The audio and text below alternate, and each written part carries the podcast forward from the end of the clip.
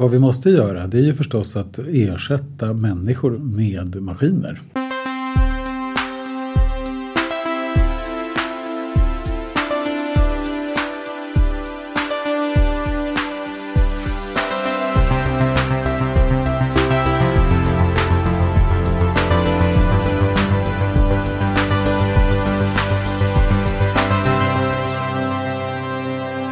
Framtiden.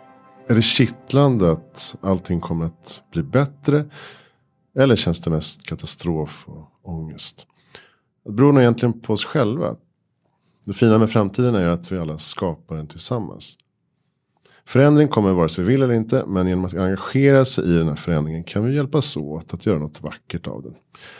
Vi som gör den här podden tycker att rädslan för framtiden har fått lite för stort utrymme.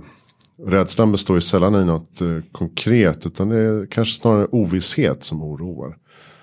Vi vill gärna nyansera den här bilden av framtiden. Göra den lite mindre oviss. Och visa att rädslan är ofta ganska omotiverad egentligen. Det mesta blir egentligen bättre. Och det finns goda skäl att se fram emot morgondagen. Och att vara med på resan. Välkommen till Heja Framtiden. Eh, podcasten där vi ska försöka lägga pusslet som aldrig blir färdigt. I dagens avsnitt ska vi träffa Anders Ekholm och eh, prata lite om viktiga framtidsfrågor för eh, Sverige. Välkommen Anders till Heja Framtiden. Tack så mycket, trevligt att vara här. Heja Framtiden, hur känner du inför det konceptet? Uh, jo, men jag är för det. Uh, jag tror att det är, som du var inne på, lite grann mycket en personlighetsfråga. Om man är dystopiker eller utopiker. Jag tillhör ju utopikerna så jag ser ju väldigt uh, fram emot framtiden. Hittills har jag också haft rätt. Det mesta blir just också bättre. Du är vice vd för Institutet för framtidsstudier. Och yep. eh, man kan säga att du är framtidsforskare. Ja. Vad gör en framtidsforskare? Uh, ja, en framtidsforskare rent generellt försöker väl fundera lite mer på framtiden. Och det kan man göra på lite olika sätt.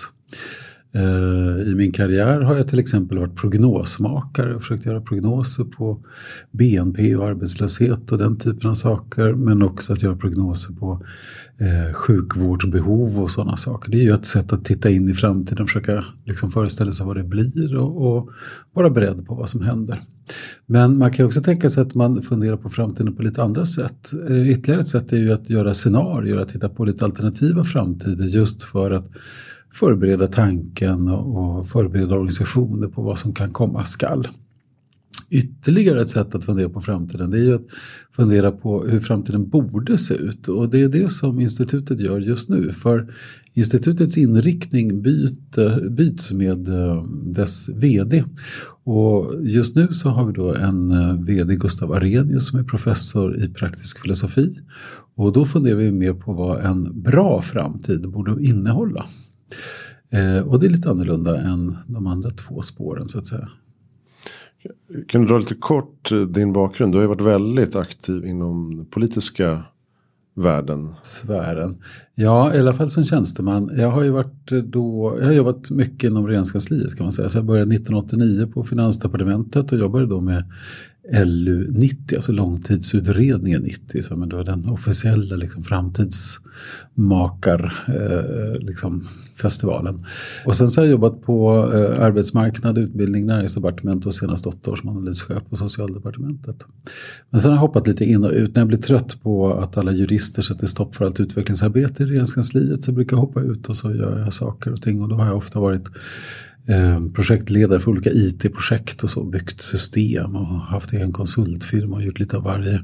Och sen blev jag trött på att jag inte får tänka på tillräckligt avancerade saker. Då har jag hoppat tillbaka och blivit kvantanalytiker. Så, så ja, hoppat fram och tillbaka så kan man säga. Du föreläser mycket för eh, vård, omsorg och offentlig sektor. Just det. Just Eller nu, företag också kanske? Eh, ja, det med. Eh, just nu egentligen så eh, krokar det ihop med hur jag tänker på hur världen fungerar. Och när jag började i regeringskansliet 89 då tänkte jag att världen fungerade som, som liksom ett, ett urverk. Där vi kunde vara den gudomliga urmakarna och smörja upp lite grann här och där och så kunde vi liksom få en bättre värld. Det här är ju en gammal syn på världen där från 1600-talet och framåt. Där från början var det väl Gud den liksom urmakaren rörmokaren som skötte allting så att det funkade på ett fint sätt. Men jag tänkte mig när jag började i långtidsutredningen 90, om vi bara vet tillräckligt många saker, har tillräckligt många variabler, tillräckligt bra liksom, modeller och tillräckligt mycket datorkraft så kan vi göra väldigt precisa prediktioner för framtiden tänkte jag då. Sen visade det sig, och det visade sig ganska fort redan i det där arbetet att eh, till exempel var det en som skrev en bilaga kring eh, just prognos, eh, prognoser och prognossäkerhet i långtidsutredningen från, från 40-talet och framåt. Och det visade sig att Eh, våra prognosprecisioner i de här utredningarna hade inte blivit ett smack bättre va? trots att vi hade gått från att det hade suttit så 20 kalkylatorer och en kalkylator i den här meningen då är en, en eh, dam som sitter med en mekanisk räknemaskin och, eh, och, och, och liksom löser ekvationssystem numeriskt helt enkelt. Alltså st stora, stora sköna beräkningar som man gjorde liksom förr när man försökte liksom fundera på nationalekonomin. Och så hade vi då fått eh, datorer och där 89 så var ju PCn ganska ganska ny och vi liksom programmerade ganska stora modeller där och nu kan man köra enorma modeller förstås. Eh, men prognosprecisionen har faktiskt inte blivit något bättre från det att folk satt och kalkerade diagram med gnuggisar som man gjorde liksom på 70-talet och så till, till det. Så det där fick mig att börja fundera, liksom fundera på hur, hur kan det komma sig att vi inte faktiskt kan göra bättre prognoser när vi har så mycket bättre teknik, mera data, större ekvationssystem och så vidare. Det här började leda till att jag började fundera på mer vad, vad världen egentligen är. Och på 90-talet så, så fick eh, komplexitetsforskningen och så fraktaler och sådana här saker fick, eh, fick plötsligt ett stort intresse av det enkla skälet att vi plötsligt kunde köra dem på datorer. Eh, vilket vi inte hade kunnat göra tidigare. Själva teorierna kom från slutet av 60-talet, Mandelbrot till exempel som var en av, av liksom de första som funderade på på liksom nätverkseffekter och eh, fraktalsystem. Så, eh, och så hade man börjat, börjat kunna göra de där sakerna. Och plötsligt började vi förstå vad, vad världen egentligen är för någonting. Och då är världen inget urverk eller så här mekanistisk sak med liksom tydliga deterministiska, att gör jag A så kommer alltid B att inträffa. Det gäller bara i väldigt begränsade system. Så här, släpper jag det här glas, glaset i stengolvet så kommer absolut det gå sönder. Så där kan jag göra en exakt prognos av den närmaste framtiden. Men, eh, men på, på samhällsnivå så, så gäller inte det. Utan världen är istället ett komplext adaptivt system som gör att alla vi i världen tillsammans med metrologin, med liksom olika typer av marknadskrafter och, och, och så vidare eh, kommer hela tiden att definiera hur världen eh, blir och kommer att utveckla sig. Och då insåg jag också allt eftersom tiden gick sådär att nej, Eh, det är inte någon större idé att skriva liksom rapporter och sen så tänka sig att nu är rapporten klar, nu har jag gjort mitt jobb. Så utan att börja tänka om att jag har skrivit massa rapporter och varit med och skrivit väldigt mycket och funderat och räknat på framtiden. Men då insåg jag att nej, ska det bli någon liksom så förändring och förbättring som jag hade tänkt mig när jag började på regeringskansliet. Att nu jobbar jag här så att vi kan liksom förändra och förbättra. Men det var, inte, det var inte så många som var intresserade av tjänstemännen och att förändra och förbättra. Utan tvärtom så liksom var man väldigt intresserad av att förvalta, göra små, små steg, ett kommatecken där, någon lagstiftning eller sådär. Så de människorna fanns liksom inte där, vilket förvånade mig en del. Och så började jag inse att världen är annorlunda. Eh, vad måste man då göra? Jo, förbättring, innovationer kommer underifrån. Och om jag då vill ha någon förändring av liksom de tankar och kalkyler och funderingar som jag har, ja, då måste jag nå ut och sprida de tankarna och idéerna i högre grad. Och det där började jag med egentligen 2010 när jag skrev eller vi var flera som skrev en rapport som hette Den ljusnande framtida vård på det socialdepartementet. Och så var det en tjänstemannaprodukt som, där vi hade då, där vi gjorde mikrosimuleringsmodeller över framtiden som då ytterligare ett sätt att fundera på framtiden. Genom att ha en befolkning som bor i, i datorer och så åldrar vi dem och så kan vi liksom göra lite lekexperiment med hälsa eller utvecklingar eller sådana saker. Eh, och sen efter det så har jag egentligen varit ute och pratat för säkert 10 000 pers per år. Så mm men hur blir man bra framtidsforskare? Hur säkerställer man vetenskapligt att eh, det man gör är korrekt? Ja, eh, igen då, det, man, eh, liksom deterministiska saker är ju svåra att hitta i den här typen av fenomen. Eh, av typen släpper jag ett glas i ett stengolv så kommer det att gå sönder. Så att säga. Men vissa, vissa saker är hyfsat deterministiska och det gäller ju demografi till exempel. Så där vi vet att föds det fler barn om, om ett år så behöver vi mer BB och det innebär att om sex år eller sju år då så behöver vi eh, ha mer sexårsplatser eh, och sen så behöver vi ha grundskola och sen behöver vi ha gymnasiet. Så där kan vi göra ganska exakta prediktioner på vad som behövs. Redan där brukar ju våra system haverera i och för sig att vi inte lyckas göra den typen av ganska enkla prognoser. Så där. Min son fyllde sex och vart kommunen liksom förvånad över att det var så jäkla många sexåringar. Och då funderar man ju, hade ni inte kunnat räkna antalet femåringar förra året? Vilket hade gett en ganska bra bild av antalet sexåringar idag. Men, så redan den där ganska mekanistiska sakerna som är ganska lätta att, att predicera, där, redan där går vi bet ofta. Vad är det som gör eh, framtiden så spännande inom det du sysslar med? Varför eh, kittlas du av det här? Ja, um, dels är det så roligt på institutet för vi har ju ett så väldigt brett uppdrag. Vi, har, vi, vi ska föra en bred diskussion med, eh, med medborgare, myndigheter, organisationer och företag om hot och möjligheter i framtiden så att vi kan verkligen göra lite, lite av varje. Uh, det vi kan ju inte göra allt förstås. Men eh, det innebär ju att hos oss så kan man pyssla med, så pysslar vi med väldigt många olika saker och vi är också liksom en, en tvär akademisk eh, institution. Väldigt många? Eh, väldigt många, väldigt tvära, på säga, men väldigt olika eh, akademiska inriktningar. Vi är väl säg 50-55 personer på 30-35 heltider eller något sånt där. Och så folk från egentligen hela världen och från väldigt många olika discipliner. Och det där gör ju att det är otroligt kul att vara på jobbet. Ibland funderar jag på om man ska hyra ut så här kaffeautomatbiljetter där folk får stå och hänga och fråga folk vad de gör. För det är nästan det är väldigt kul att stå där och fråga folk vad de håller på med. En sak som du sa tidigare att eh, jurister och tjänstemän stod i vägen lite för det du ville. Vad, vad menar du med det? Egentligen när jag nu senast slutade i regeringskansliet så var det väl tionde gången jag slutade egentligen i regeringskansliet. Jag har ju hoppat in och ut på många olika departement och så. Eh, och eh, det här är ju en otroligt kompetent organisation med, med liksom väldigt välutbildade, välvilliga människor också. Men det är en otroligt också konservativ organisation. Man gör ogärna på nya sätt och ska det göras på nya sätt då krävs det verkligen ett statsråd som pekar med hela handen. Och då kommer liksom organisationen klicka in och göra på det nya sättet. Men det finns liksom ingen automatisk eh, liksom, sätt att, att liksom, tänka nytt och så. Det, det gör man inte. Utan, och, och, det ligger väl i sakens natur också att eh, som tjänsteman i regeringskansliet förväntas du vara lojal mot ständigt nya och olika politiska idéer och, och politiska liksom, tjänstemän och, ministrar. Så, så det blir så. Men det är också så att det blir en väldigt riskaversiv organisation. Eh, och det behövs ju också förstås för en minister får inte göra fel, då blir det ett jäkla halabaloo i, i pressen och så.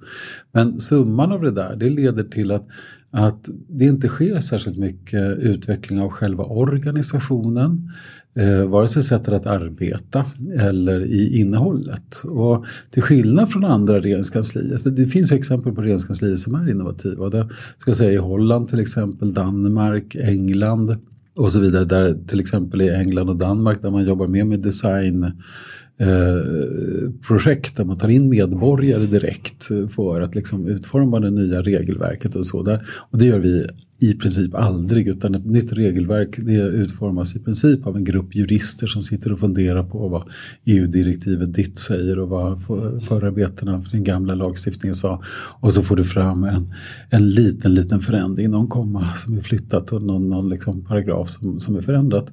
Och det här gör ju att utvecklingen i Sverige går otroligt mycket långsammare än i våra grannländer. Det är väldigt tydligt när man börjar jämföra hur snabbt vi implementerar ny teknik till exempel i lagstiftningen så, är, så ligger vi sist nästan hela tiden. Så det var förbjudet med drönare fram till augusti i, i, i år till exempel. Och, eh, självkörande bilar har börjat köra sedan förra veckan i Arizona, i Phoenix, där, som inte har någon lagstiftning kring det och där guvernören säger vi ska verkligen stödja det där. Och i Sverige så kan det efter en liten viss process från i somras ansöka om att få köra självkörande bilar på vissa liksom, specifierade vägsträckor. Så. Och det är klart att eh, när man funderar på det kommer vi eller Phoenix bli bäst på självkörande bilar så är det ju klart att eh, vi kommer bli om inte sprungna utan omkörda eh, i väldigt hög grad eftersom man där får labba. Och det får mm. man inte göra i Sverige. På individnivå är vi ganska långt framme tekniskt. Ja, väldigt med. Bland de På företagsnivå är vi ganska långt framme. Vad är det som laggar efter då i just offentlig sektor? Alltså, I offentlig sektor det görs ju en lång rad olika rangordningar av, av precis som du är inne på, privatpersoner, företag och, och offentlig sektor. Och då privatpersoner och företag då är vi liksom 1, 2, 3, 4 liksom i lite olika rangordningar. Vi är liksom väldigt snabba som personer att ta till oss ny teknik och våra företag har väldigt mycket patent per invånare, kreativa och, och så vidare. brukar utnämnas till liksom, kre, eh, väldigt kreativ miljö och Stockholm vann väl någon sån här eh, mest kreativa stad här, här om sistens. Och så. Men just vår offentlig sektor eh, är på plats 23 när World Economic Forum till exempel rangordnar och sjunkande. Och det här är ju någonting specifikt som man hittar på i offentlig sektor. Som att invånarna vill ju ha något annat, eh, företagen kan leverera något annat men själva offentlig sektor sitter själva och bromsar. Och jag, jag tror det där, jag har funderat otroligt mycket på det där, men jag tror egentligen att det eh, är någon sorts kombination av massa olika saker. Dels är det så att våra politiker av lite olika skäl tycker att tjänstemännen vet bäst. Eh, och om man ska hårdra det hela så tänker jag att det blåa laget de säger att eh, tjänstemännen vet möjligtvis inte bäst men vad, vad liksom politiska, politiker ska göra det är att fatta eh, beslut om olika typer av rättigheter och sen ska domstolarna avgöra om man fått rättigheter eller inte. Det är liksom ett ganska amerikanskt sätt att se och det är inte alls alla i blåa laget som tycker så. Men om vi hårdrar, hårdrar det hela det röda laget de säger att, att eh, de har liksom ett mer ett fackligt perspektiv och säger så här, ja men vi måste lyssna på tjänstemännen för de kan det här bäst, de är liksom väldigt bildade och, och det är liksom, vi måste ta deras liksom kunskap tillvara. Så, så bägge liksom lagen tänker sig att administrationen är, är den som vet någonting. Problemet är ju att alla organisationer eller administrationer kommer när man lämnar dem åt sig själva Eh, att sluta utvecklas. Eh, Mattias Elg, professor i industriell förbättringsteknik, han kallar det här för eh, bekväm narcissistisk verksamhetsutveckling. Det vill säga den är bekväm i meningen att, att organisationen gör saker och ting som ligger väldigt liksom, nära eh, i nästa steg, så att säga. Små steg, små förbättringar. Narcissistisk i meningen att man gör mest förbättringar för liksom, produktionsapparaten. Och i, i liksom en marknad så, så kommer ju det här att leda till att du stagnerar som företag, att du inte blir påhittad och så vidare. Till slut så kommer det gå under och alla företag går också under. Problemet då i offentlig sektor är ju att vi inte kan använda oss av den här marknadsmekanismen. Vi har gjort försök men det har ju snarast liksom blivit ännu mer administration. En kompis på Handel som sa att det är ironiskt att libertarianerna var de som införde planekonomin. Så liksom på ett sätt där vi, där vi liksom, när vi försökte marknadifiera vad vi fick var en jävla massa jurister och en jävla massa kontrakt. Och när någonting går fel så ska vi skriva ännu längre kontrakt och göra ännu längre upphandlingar. Och när det inte heller funkar, ja, då gör vi ännu mer av samma sak. Så att säga. Eh, och, och, och, det är inte en framgångsväg helt enkelt och särskilt inte om den ska marknadifiera. Sen så är liksom mång, det mesta av det som är offentligt är inte marknadifierbart på, på det sättet. Och det är därför det var offentligt från början. Det är därför som ja, det är bara 14 procent av sjukvård, sjukhussängarna som till exempel är for profit i USA. Så även i liksom marknadens hemland är det ganska lite for profit i den här typen av verksamheter som är svåra visar det sig mm. att göra. Och nu, nu kommer vi in på ett, ett av eh, kanske grundproblemen då för eh, framtiden inom eh, svensk, eh, svenskt välfärdssystem. Eh, en annan, ett annat problemområde är ju den eh, demografiska utmaningen.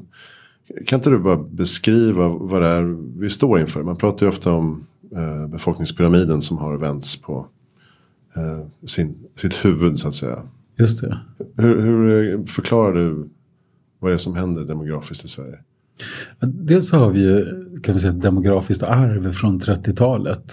Eh, och under 30-talet så föddes det väldigt få barn. Det var liksom dåliga tider, det var orostider och, och så vidare. Hitler har tagit makten i Tyskland och, och så vidare. Och sen var det också krig då. Men vår längtan efter barn är tämligen konstant. Så den slutliga totala fertiliteten per kvinna har under 1900-talet varit ganska nära två. Men föder man då inte barn på 30-talet men vill fortfarande ha sina nästan två barn så innebär det att då, då har vi ett uppdömt liksom, födelsebehov eller vad jag ska kalla det för. Så på 40-talet och mitten av 40-talet då föddes alla de här barnen som inte hade fötts på 30-talet och så fick vi 40-talspucken, 40-talistpucken. 40-talisterna födde oss 60-talister, vi födde 90-talisterna och nu börjar 90-talisterna bli eh, runt 28 års ålder, kommer upp i 30-årsåldern och det är där man skaffa barn. Eh, så nu är vi på väg in och då få en, en barnapuckel.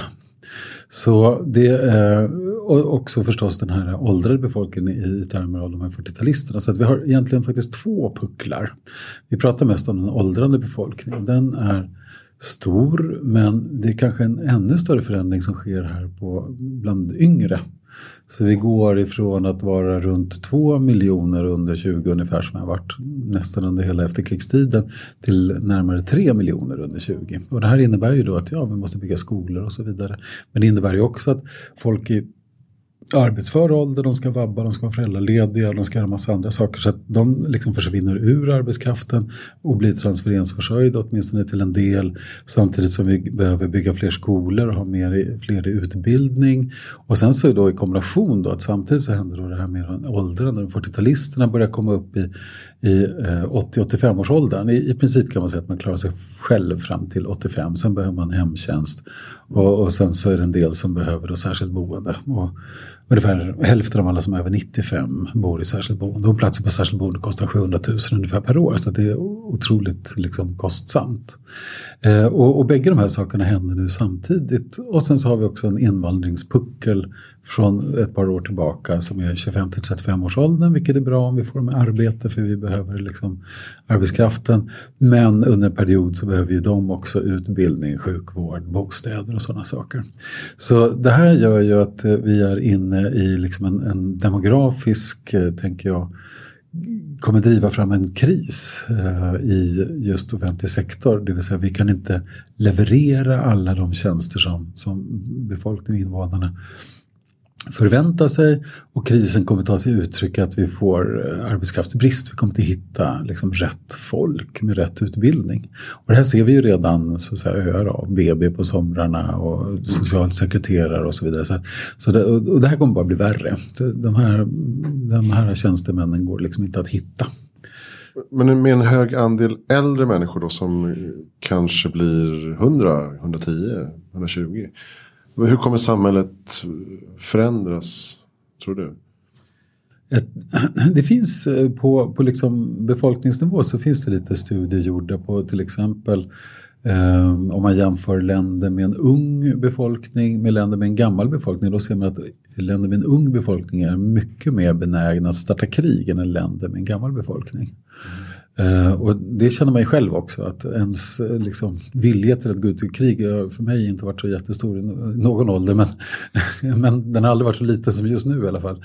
Uh, och det är ju liksom, när jag gjorde lumpen tyckte det var kul att bo i tält och, och, och, leva liksom fältmässigt. Det skulle jag inte acceptera idag till exempel. Väldigt obekvämt med krigs, krigsmaskinerier och så.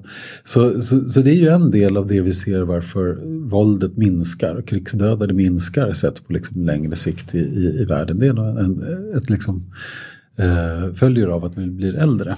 Men när vi blir äldre så blir vi också lite mer riskaversiva, vi blir lite mer konservativa också. Så jag kan tänka mig att det åldrande land kommer att eh, liksom göra färre innovationer, kommer göra mindre förändringar och så vidare. Och kommer att bli mer riskaversiv helt enkelt. Så att på ett sätt blir det då en lugnare tillvaro. Men det blir också kanske en mycket mindre dynamisk land också när, när vi blir åldrande. Och eh, högt tryck då på sjukvård och välfärd? Högt tryck på välfärden och sjukvården men också högt tryck, alltså eh, just nu för var 24 timme du lever så eh, ökar medellivslängden med fyra timmar. Så den, den liksom ökar otroligt snabbt just nu, medellivslängden. Och det här innebär också att det dör färre personer. Kollar man i dödsstatistiken för förra året så dog det 88 000 personer. I början på 90-talet dog det 95 000 personer. Så 7 000 personer dör färre dör i år än, i början på 90-talet och då är vi två miljoner fler i befolkningen just nu. Och det här innebär ju att 10 procent ungefär av de 70 000 lägenheterna vi prognostiseras att bygga i år går till folk som inte har dött. Så, så det liksom spelar en stor roll på så många olika planeringshorisonter. Och det är klart att vägar och, och eh, pendeltåg och restauranger och liksom alla de här typerna av liksom, liksom kollektiva varor och servicer. De eh, kommer att få en utmaning eller en boost beroende på liksom vad, vad det är för typer av saker. Och, det, och dessutom så ökar ju befolkningen ännu mer. Vi är ju 10 miljoner nu ungefär enligt registren enligt SCB. Vi kommer att öka till 11 miljoner inom sju år. Så det går jäkligt fort den här befolkningsökningen. Samtidigt så räknar ju då inte SCB med till exempel polska byggarbetare eller folk med samordningsnummer och alla de här sakerna. Så antagligen är vi redan nu uppe i 10,5 miljoner invånare och det är ju 10,5 som är, är, viktigt när vi funderar på sjukvård, när vi funderar på vägar och restauranger och alla de här liksom infrastrukturerna. Och de har ju redan halkat efter genom att vi inte har gjort investeringar av dem tidigare. Så, och då ser vi också resultatet så att säga. Det är köer i sjukvården, det är köer till skolan, det är köer i trafiken och, och så vidare. Och de, och de havererar de här systemen, minsta lilla liksom störning som får stora effekter. Och det är ju för att alla system liksom går på strax över gränsen för vad de är designade för. Mm. Och, och, vi som är då i arbetsför ålder, vi får ganska mycket på vår, våra axlar så att säga. Vi ska bidra med skatter, vi ska ta hand om barn och vi ska ta hand om kanske våra åldrande föräldrar då mm. eh, samtidigt. Och då är det ju fint att det kommer en, som du säger, en invandringsvåg med eh, människor i arbetsför ålder som kan bidra till, till detta. Eh, men när man pratar om pensionsålder, vad var det Reinfeldt sa när han blev utskrattad? Så 75 eller? Ja, 75. 75. Vi måste jobba tills vi blir 75. Ja, det var ju, ansågs ju vara kolossalt underhållande. Men vad säger du om 75? Är det, är det så långt ifrån? Man ser, när man tittar på liksom, pensioneringsmönstren så, så, så, finns det en tudelad uh, utveckling. Uh, vi går i pension ungefär i genomsnitt när vi är 63. Så median ålderspensionären går i pension när den är 63. Uh, eh, och då finns det en, en del som går i pension allt tidigare. Eh, det är inte som man skulle kunna tro, liksom folk som är utslitna, folk i vården, byggarbetare och sådana saker. Utan de jobbar tvärtom faktiskt längre. Utan de som går i pension tidigast det är eh, mellanchefer, tekniska mellanchefer, mäklare och lite sådana folk. Jag tänker på att när, jag, när jag såg liksom yrkeslistan så tänkte jag att tråkiga men välbetalda jobb går, går i pension tidigt. Det vill säga man kan gå i pension och det är inte så roligt att jobba. Man har gjort det där liksom 37 år som man jobbar i snitt. Eh, så, så, eh, så då går man i pension. Så, och så har vi en grupp som jobbar längre och det är mycket specialister inom sjukvården, bönder eh, till exempel men även snickare och, och en del hantverkare och så. Så det eh, jobbar allt längre. Så vi, vi får en tudelning så i pensionsåldrarna. Man kan väl säga att eh, pensionsåldern idag i Sverige är ju 61 till 67. Så från 61 kan du börja ta och eh, från 67 så slår det till massa regler som gör att det är svårt att hålla sig kvar. Och en av huvudskälen varför folk inte jobbar kvar efter 67 det är att de helt enkelt får sparken. För då, då kan man som arbetsgivare klippa av din anställning. Eh, och, och, det gör man i väldigt hög grad. Så man, kan säga att en viktig del att folk inte fortsätter att jobba det är att många arbetsgivare helt enkelt inte vill ha kvar de här 67-åringarna. Eh, sen är det ju liksom 40 procent som säger när man frågar i enkäter vad skulle få det att jobba kvar efter liksom 65 och då säger 40 procent inget alls. Aldrig i livet, nu är jag klar med det här så att säga. Så jag tror att 75-årsåldern är, är milt utopisk om vi ser på utvecklingen just nu. Den, liksom den genomsnittliga pensionsåldern håller sig där runt 63 men då delar upp sig så. Och visst kan man göra åtgärder, det har gjorts en del åtgärder också för att man ska gå i pension senare men folk verkar vara lite trötta på att jobba eh, och arbetsgivare verkar vara lite trötta på att ha 67-åringar och äldre i sin arbetskraft. Så att, eh, väldigt få liksom, drivkrafter verkar gå mot liksom, en extrem förändring i pensionsåldern uppåt. Men tror inte det blir nödvändigt i framtiden då, om man säger att eh, folk börjar leva till 120 och ska vara lediga då från 65-70. Det är liksom 50 år kanske? Det är ju i och för sig redan så idag att vi jobbar ungefär 8% av hela vårt liv. Så att vi jobbar ju en försvinnande liten del. Eh, det är nästan så att jag tänker mig att vi tjatar mer om jobbet än vi faktiskt jobbar. Liksom. Vi, börjar med den här stackars fyraåringen, vad ska du bli när du blir stor? Så tänker vi inte på att de yrkena inte, antagligen inte kommer att finnas när, när den är 28 år liksom, ute i arbetskraften. Och så slutar vi efter 37 år och sen så lever vi ganska länge. Så redan idag så jobbar vi en, en försummande liten del av vårt liv. Eh, och jag tänker mig att den där utvecklingen fortsätter väl att vi kommer att jobba en försummande liten del av våra liv även i framtiden. Det är ju ett sätt att ta ut vår liksom, ökade rikedom och produktivitet. Eh, men det är klart, det blir ju ett problem för pensionssystemet är designat på ett väldigt fiffigt men eh, samtidigt impopulärt sätt. Av folk, alltså impopulärt av folk som inte riktigt förstår det där. Men Eh, och för det är ju att när du blir pensionär då får du lite för hög pension. Om vi säger att du går i pension som 63 år, då får du lite för hög pension än vad du borde ha. Eh, och sen räknar man inte upp pensionen lika snabbt med, i förhållande till löner som man, som man skulle kunna göra. Eh, och skälet till det, det är att du redan har fått de pengarna helt enkelt. Men det innebär ju att alla pensionärer är jävligt arga över att de halkar efter jämfört med löntagarna, vilket är helt korrekt. Men det är också en designpryl som inte är så dum. För antagligen så i genomsnitt så kan du göra av med mer pengar som 65-åring än som 95-åring. Mm. Eh, så, så det är liksom en elegant systemdesign men väldigt impopulär. Eh, men det innebär ju också att om du bara lever tillräckligt länge så kommer du alltid att bli fattigpensionär eh, av, av den här designen. Så, så andelen och antalet fattigpensionärer kommer ju definitivt att öka. Eh, och det är klart att då kanske man vill börja jobba och så. Sen finns det ju liksom en, en grund, alltså en garantipensionsnivå som, som man då går ner på det här golvet så att säga. Och det kommer man då leva på resten av livet när man har liksom, eh, levt till länge så får man en, en, egentligen en transferering istället från staten och dagens skattebetalare snarare än de här liksom sparade beloppen som vi har. Eller, ja, det mesta är ju en transferering förstås, det är liksom i princip ett omfördelningssystem. Okej, så du menar att eh, Reinfeldt hade fel. Vi måste kanske inte jobba tills vi är 75. Beror det då på att vi är rikare eh, framöver? Eller eh, vad, vad, vad tänker du? Egentligen eh, är det ju så när man, när man funderar på framtiden så, så kan man göra det och säga att om världen ser ut som just nu och bara liksom demografin förändras, vad, vad behöver vi göra då? Och, och, om vi gör alla saker, vi producerar välfärd på exakt samma sätt som idag, då behöver vi mer stålar, jättemycket mer pengar för att eh, liksom, göra de offentliga välfärdstjänsterna. Och, och då är det ju egentligen, då kan vi möta den demografiska ut, utmaningen på tre sätt. Dels så kan vi slänga in mer stålar och det gör vi via ökade skatter, ökade avgifter eller försäkringspremier. De tre sätten man finansierar välfärd på. Eller så kan vi minska det offentligt finansierade utbudet. Det kommer alltid att öka ojämlikheten och det har vi ganska låg fördragsamhet med i Norden så i allmänhet och egentligen i väst om vi bortser från USA. Så tycker vi illa om ökad ojämlikhet. Eller så kan vi jobba med ökad effektivitet. Och det är det här vi ofta glömmer bort, att eh, effektivitetsvinster eh, är fantastiskt bra. För då får vi ränta på ränta effekter av, av liksom produktivitetsökningar.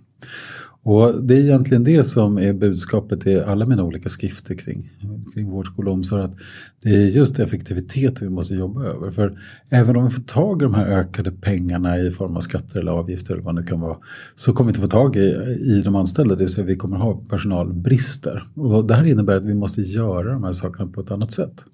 Och gör vi de eh, här tjänsterna, utför vi de tjänsterna på andra sätt, ja då kan vi mycket väl vara så att vi inte behöver eh, slänga in mer pengar och då behöver heller inte jobba längre. Så, så att ha en smartare välfärd, tänker jag, det är liksom lösningen som är bra både för oss som, som efterfrågar välfärden också för skattebetalarna och möjligtvis framtida pensionärer också som inte då behöver gå jobba till 75 helt enkelt. Som du vore då socialförsäkringsminister eller statsminister, vad man nu säger. Vad skulle vara din väg framåt närmaste 20-50 åren för, för svensk del? Ja, det ska vara helt och hållet produktivitet och kvalitet. I dagsläget så gör vi väldigt mycket saker som inte har bra kvalitet. Och blotta det faktum att 17 procent av grundskoleeleverna inte går ur grundskolan och blir gymnasiebehöriga är ju att vi har slängt iväg 17 procent av resurserna fel. Och det är ganska mycket pengar. Och när vi börjar fundera på alla de som dör eller skadas i sjukvården till exempel, 3000 personer dör varje år efter slarv och misstag eller 100 000 personer skadas. Då använder vi skattepengar för att ha ihjäl eller att skada människor. Och det känns ju som ganska dålig användning av skattepengar.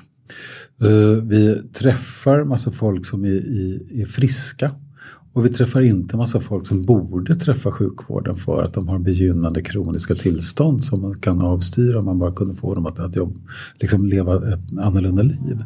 Så vi gör å ena sidan jättemycket bra saker. Vi är liksom en av världens absolut bästa offentliga sektorer. Det är inte så att man ska gnälla på så. Men de här utmaningarna som kommer kommer inte att kunna lösas med, med liksom mer pengar i huvudsak. Utan med andra sätt att arbeta. Och framförallt att ersätta Eh, människor med maskiner på de ställen där vi inte behöver människor för liksom, interaktionen. Och då tänker jag mig att då löser vi också de här idéerna kring pensionsåldrar och de här idéerna kring att vi har eh, personalbrister. Man pratar ju mycket om alla jobb som kommer försvinna och sådär.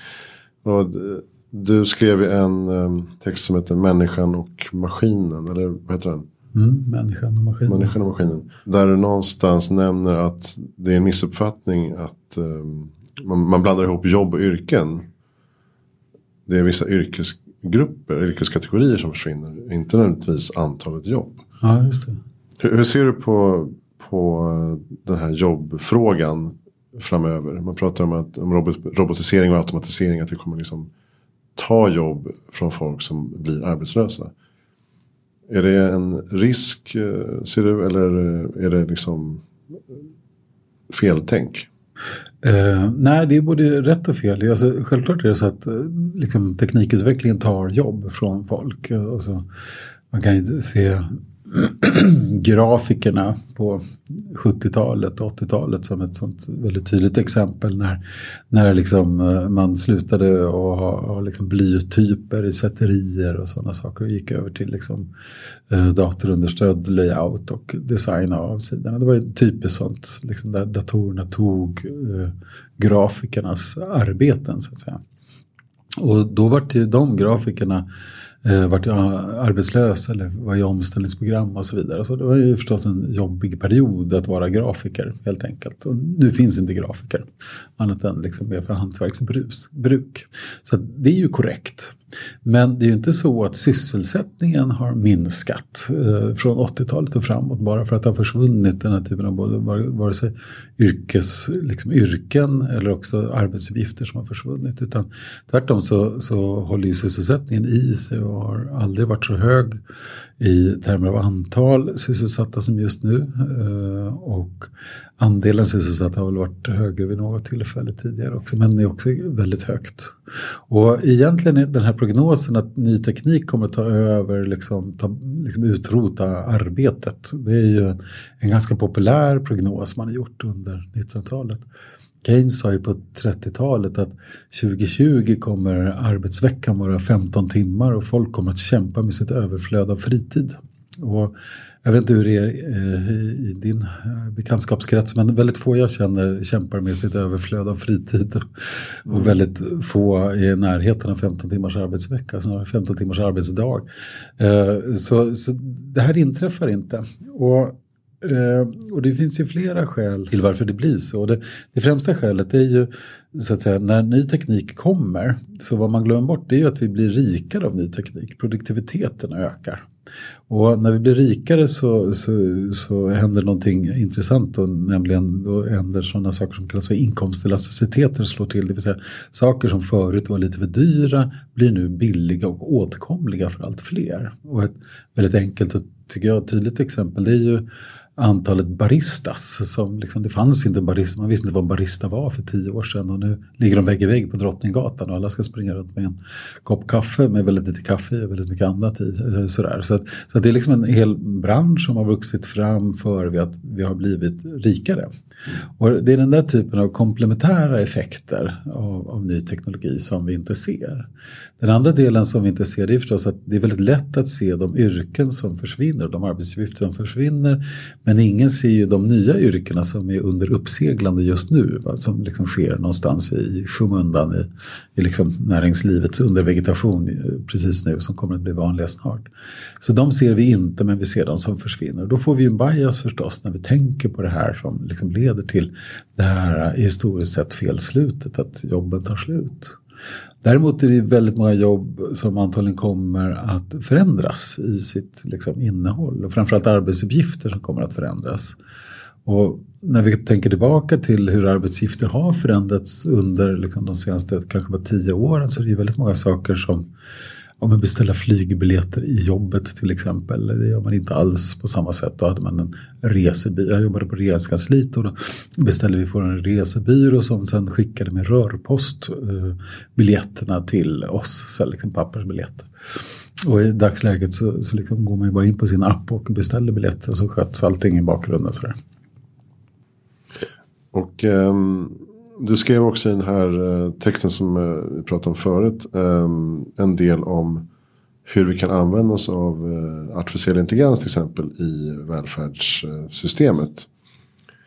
Ehm, och där ligger ju många potentiella vinster och besparingar när det gäller arbetskraft till exempel. Kan inte du dra lite av det du resonerar kring i, i, i den? Ja, ehm, det är ju alltså framväxten av artificiella intelligenser är en sån här riktigt, riktigt stor sak som jag tänker mig kommer att påverka väldigt många saker. Dels är den ganska ny, inte artificiella intelligenser som sådana, det började man fundera på från 50-talet, eller egentligen tidigare också. Men, men eh, så gjorde man någonting som brukar kallas för GOFI, Good Old Fashioned eh, Artificial Intelligence. Eh, och det var just byggde på den här idén som vi var inne på från början att kan vi bara beskriva världen tillräckligt mycket algoritmer, kan vi bara göra beslutsträd som är fina nog och göra listor på alla liksom händelseutvecklingar och permutationer och sådär så kan vi få en intelligens som är liksom Liksom så här ibersmart och kan göra det. Uh, och kort sagt så gick det där åt helsike helt enkelt. Det funkar inte. Och, men så gjorde man några då genombrott egentligen så sent som 2012 i maskininlärning och neurala nätverk. Och, och de senaste fem åren så har det fullkomligt liksom exploderat. Och då, liksom, I dagsläget kan ju liksom nästan vem som helst bygga en självkörande bil som tränar sig själv och sådana typer. Alltså ganska billig teknik som har fantastiska konsekvenser på många olika sätt. Och de här artificiella intelligenserna de får påverkan på områden som vi absolut inte trodde att liksom människan någonsin, någonsin men skulle bli omsprungna i.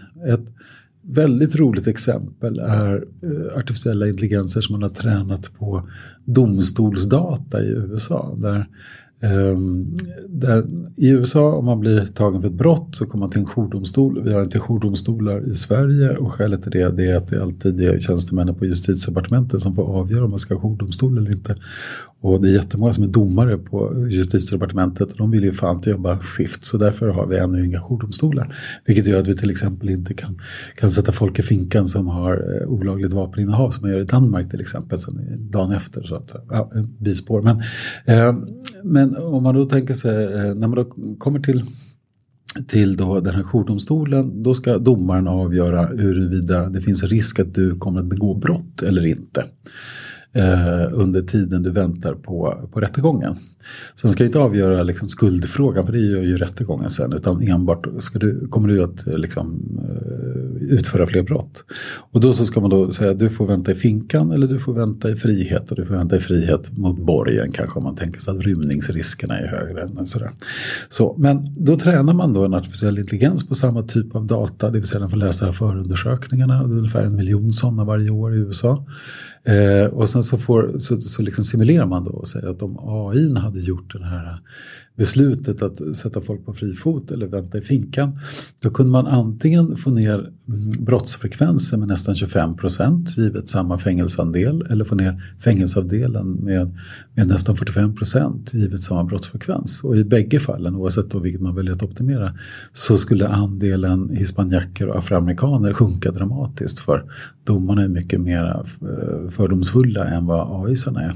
Så på en sån här liksom, sak som man tänker sig att det här är bara människan som kan göra den här väldigt delikata avvägningen. Så visar det att människan är ganska dålig på att göra den här delikata avvägningen. Och det är ju för att vi har en lång rad liksom, eh, dåliga sidor när vi tänker helt enkelt. Fördomar är en sån. Men det finns fler. I den här skriften så tror jag beskriver 25 olika sådana här där vi har otur när vi tänker som människor. Mm. Men det innebär ju att, att inom rätt, eh, rättsväsendet till exempel förstås också att hitta brottslingar eh, i, i mönsterinkänning. Och det här kör man på bred front i till exempel checkbedrägerier på banker och sådana saker. Staten gör inget sånt i Sverige. I Singapore har man matat eh, AI liknande system sedan 1997 för att hitta liksom, hot och, och brottslingar och sådana saker. Och det här, de blomstrar ju förstås nu med den nya teknologin då, som man, man kan träna på, på tydliga sätt. När det gäller skola skulle vi kunna eh, få ner andelen som inte klarar grundskolan. Den i början på 70-talet så var det 10 procent som inte klarade grundskolan och fick gymnasiebehörighet och häromåret var det 17 procent i Sverige. Så den har legat runt 10 procent och accelererat upp och ökat lite grann under de senaste åren. Och, vilket är ju en katastrof tänker jag för, liksom, ja, för alla delar av samhället. Inte bara för de individerna utan också förstås för vi behöver arbetskraften. Det är de här vi kommer att hitta i kriminalitet, i transfereringsförsörjning och så vidare. Och det här innebär ju att liksom, vi, vi, har ett ganska stort problem med att våra reformer inte biter. Eh, vi har liksom stora samhällsproblem som har varit konstanta under liksom decennier, halva sekler. Och eh, det här kan vi då få hjälp med med, med liksom nya teknologier. Så det, det, handlar om skolan att få bättre resultat, det handlar om sjukvården att ställa bättre diagnoser. Det har vi redan nu inom vissa, till exempel så minskar feldiagnosterandet inom bröstcancerdiagnos med 85 procent om du slänger in en AI tillsammans med onkologen till exempel. Eller om du har bara två onkologer som tittar. Ehm, vi ser inom omsorgen att vi skulle kunna matcha brukare och eh, personal till exempel. För att få liksom det här mötet som är så viktigt i omsorg att funka bättre. Ehm, och också förstås samhällsplaneringen som alltid havererar. Alltså bostadsbyggande, trafikanalyser, eh, liksom alla sådana saker. Det funkar ju aldrig. Så fort liksom, tätorten är större än 10 000 invånare. Eller vad kan bli. Så, så liksom ständigt havererande. Så, så en lång rad av de här så kallade wicked problems, de här problemen som alla länder i olika utsträckning har, så, så kan vi börja lösa med den här typen av maskinerier. Och skälet till att alla länder har dem, det är för att det är komplexa adaptiva system snarare än deterministiska industriellt. Liksom, där, vi, där vi tänker oss att gör vi den här åtgärden får vi det här eh, resultatet. Och det är ju det som gör att vi aldrig löser problemen, för att vi har fel syn på hur världen egentligen funkar. Offentlig sektor-problematiken som vi pratade om alldeles nyss. Det kanske till stor del kommer att kunna lösas då med hjälp av ny teknik. Ja, jag, jag tänker mig det. Att för det, vad vi måste göra det är ju förstås att ersätta människor i offentlig sektor med maskiner. Det innebär inte att sysselsättningen kommer att, att minska särskilt mycket. Vi har behov av att använda människor på ett vettigare sätt än gör de alla konstiga saker man gör nu. Mycket administrativa saker. Mycket, alltså mellan 2001 och 2013 så ökade antalet administratörer och antalet chefer med 50 procent ungefär. Medan uh, eh, an, antalet som arbetar i vården kliniskt minskade lite grann. Och likadant i skolan så minskade lärarna lite grann. Men administratörerna ökade. Och det här innebär att vi har mer och mer människor som sitter och liksom gör kontrakt och gör uppföljningar och sitter och funderar på hur du borde jobba och allt färre som faktiskt gör jobbet. Eh, men du var också inne på det här med att ehm, skolresultaten i stor utsträckning eh, kommer av hur väl man klickar med läraren. Just det. Och att en framtida lösning skulle kunna vara att bättre matcha elever och pedagoger. Alltså det är ju, när vi tittar på skolan och när vi styr skolan då tänker vi att skolan är en industri. Och, och, en industri kan vi styra på ett visst sort av sätt. Nämligen att vi kan gå ut och titta på vad är den bästa organisationen och metoden och så vi åker ut helt enkelt till den bästa skolan i Sverige. Vi noterar precis hur de är klädda, vad säger de, hur de målar väggarna, vad serverar de till lunch, hur säger de det de säger och så vidare. Och sen så skriver vi ett dekret och så får Skolöverstyrelsen eller vilken myndighet som nu är i farten eh, skicka ut det här och så inför vi det och så vips så har vi världens bästa skola i alla skolor.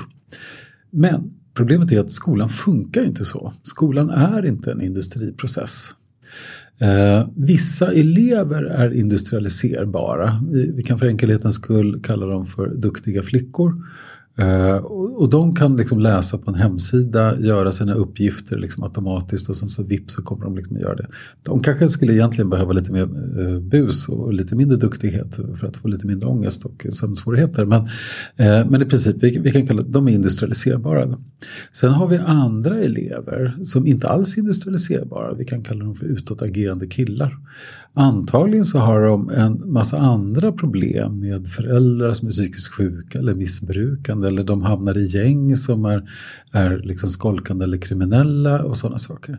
Där kan du jobba med just den här eleven tills ögonen blöder. Det kommer inte hända någonting för du har inte gjort något åt det här systemet som, som eleven ingår i.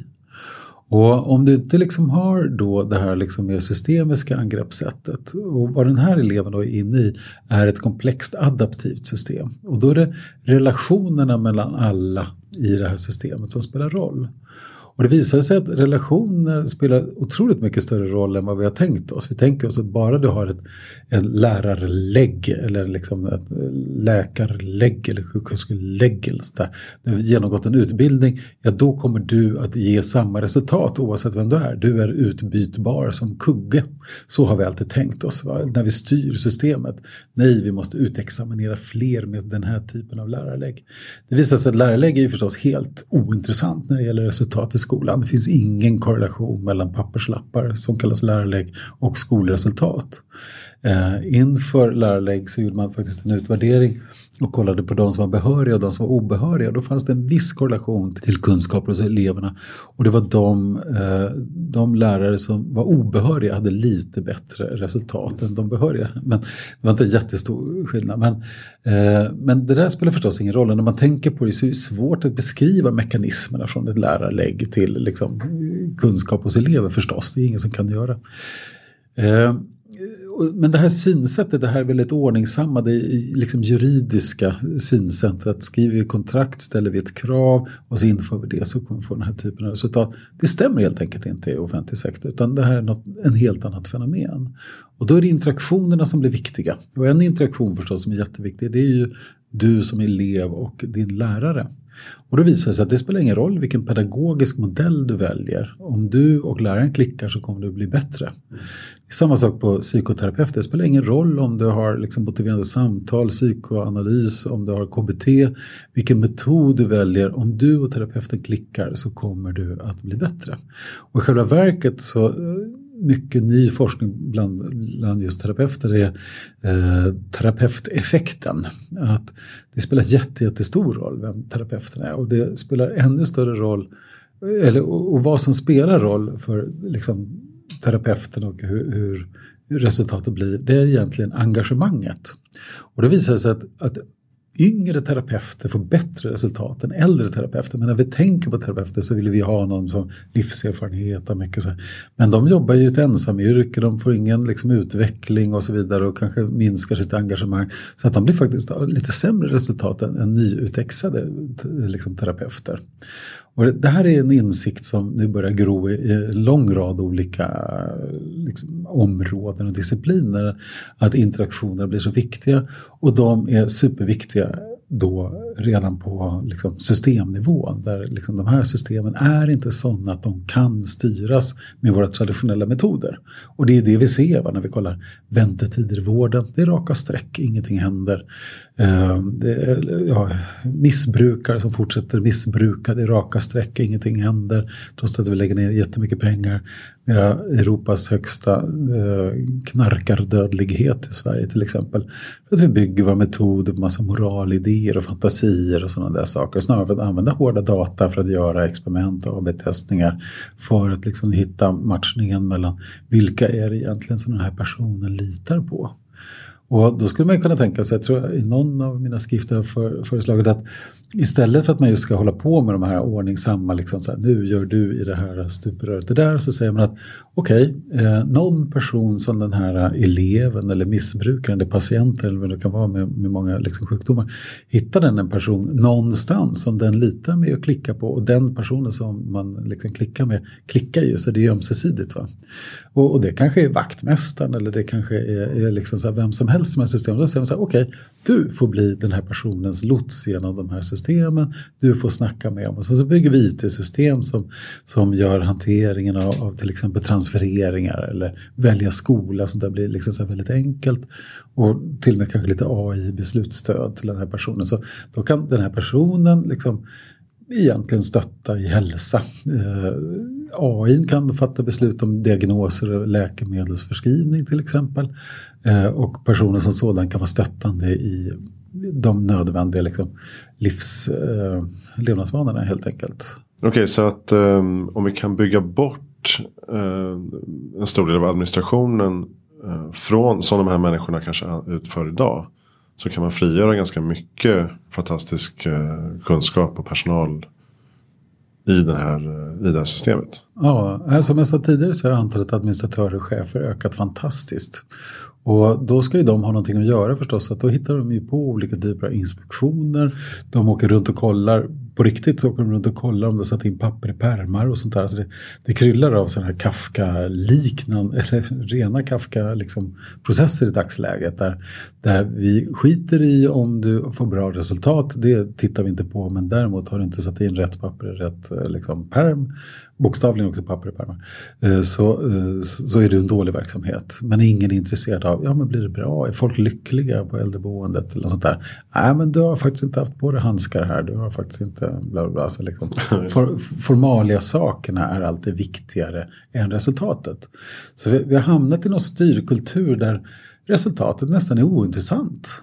Alltså eh, som den här den fullkomligt katastrofala utvecklingen av av, eh, i grundskolan. Den är ju liksom ett, ett, samhällsproblem som är så jävla stort. Och det bara rullar på. Och vad säger man då? Ja, några säger det ska vara mer pengar, andra säger det ska tidigare betyg och sådär. Man gör saker som vi vet inte spelar någon som helst roll. Men ingen verkar vara intresserad. Så här, ja, men vad spelar roll då? Kan vi liksom göra så? Skolkommissionen börjar väl bli någonting och man börjar väl genomföra lite saker som tycker jag låter bra. Så det är väl liksom det är väl möjligtvis ett embryo till någonting som kan bli någonting bra. Mm. Så vi får, måste kasta bort lite kontrollbehov och eh, se till effekt i större utsträckning. Ja, det, det är se till, till individen. Det går inte att kontrollera fram många av de här sakerna. Eh, Medan vi tänker oss hela vårt styrsystem, hela vår logik, hela vår tanke bygger på att det går att kontrollera. Det finns en bästa metod eller organisation. Vi kan finna den och sen kan vi skriva ett papper och så liksom blir den automatiskt liksom implementerad. Kollar du till exempel på, jag såg ett jätteskojigt diagram igår över hur olika landsting eh, förskriver eh, läkemedel till diabetiker. Och då finns det ju eh, nationella riktlinjer som Socialstyrelsen gör. De upp, Eh, de moderniseras här innan, ja här i somras helt enkelt. Och till ja, någonting vi har vetat i 5-6 år eller sånt där. Eh, så det tar ganska lång tid för de här administrativa rutinerna att komma fram till det som liksom forskningen har kommit fram till att implementera. Men, men det sköna är att i princip är hagelsvärmar. Det finns liksom inga likheter mellan de olika landstingen hur de gör den här liksom, medicineringen. Trots att det finns nationella riktlinjer. Det vill säga sättet att styra med den här typen av papper är nästan verkningslöst. Men jätteliten påverkan på resultaten. Och det är det där man måste börja inse. Men då måste man ju också börja mäta resultaten och styra på resultat snarare än att, att styra på fantasier eller liksom vad administrationen säger att liksom vad som är viktigt eller vad vi gjorde förra året eller någon process sådär. Har de satt i papper, har de rätt lägg eller vad fasen är. Någon ordningsamhet. Du nämnde i inledningen att du är utopiskt lagd. Vad, vad innebär det i din framtidssyn? Alltså vad ser du mest fram emot?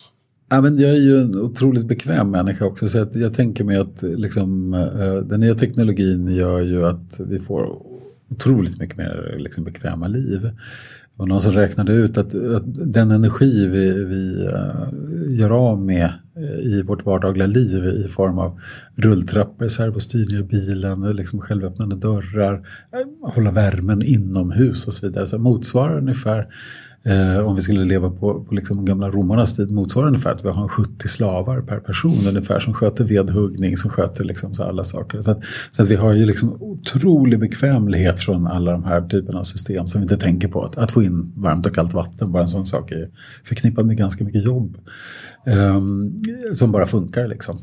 Och, och jag tänker mig att uh, antalet sådana här liksom, uh, robotslavar kommer att öka ännu mer. Som klipper gräsmattan och som gör massor med olika saker. Städar och gör massa tråkiga saker. Så, uh, jag, jag, tänker mig på personligt plan att det kommer att ske en, en otrolig revolution i i robotiken men framförallt på artificiella intelligenserna. Och, och, då är det nog, jag tänker mig att man har du vet, en personlig assistent som man faktiskt bollar sina problem med. Och liksom på, man har någon som förstår en, som man inbillar sig förstår en. Eh, I alla fall på, på liksom ett helt annat sätt och på ett helt nytt plan än bara att umgås med andra människor. Som jag tror fortfarande är väldigt, väldigt viktigt för vår lycka och framgång. Men vi får ett komplement där som ska bli otroligt intressant vad som händer med det. Vem tycker att vi ska intervjua i Heja Framtiden? Ja oh, just det, det var en bra fråga. Då tycker jag ni ska intervjua Håkan Lans. Ja, men han är, verkar vara en sån här person som alltid är fiffig och tänker på hur man kan göra saker på ett bättre sätt och liksom förbättra alla saker och har gjort det i en väldigt hög grad också. Bra, då avrundar vi där. Stort tack eh, Anders Ekholm för att du kom hit. Tack för att jag fick vara med. Vi eh, finns på Facebook, eh, heter vi Heja Framtiden och det finns också en mejladress som heter hejaframtiden.gmail.com.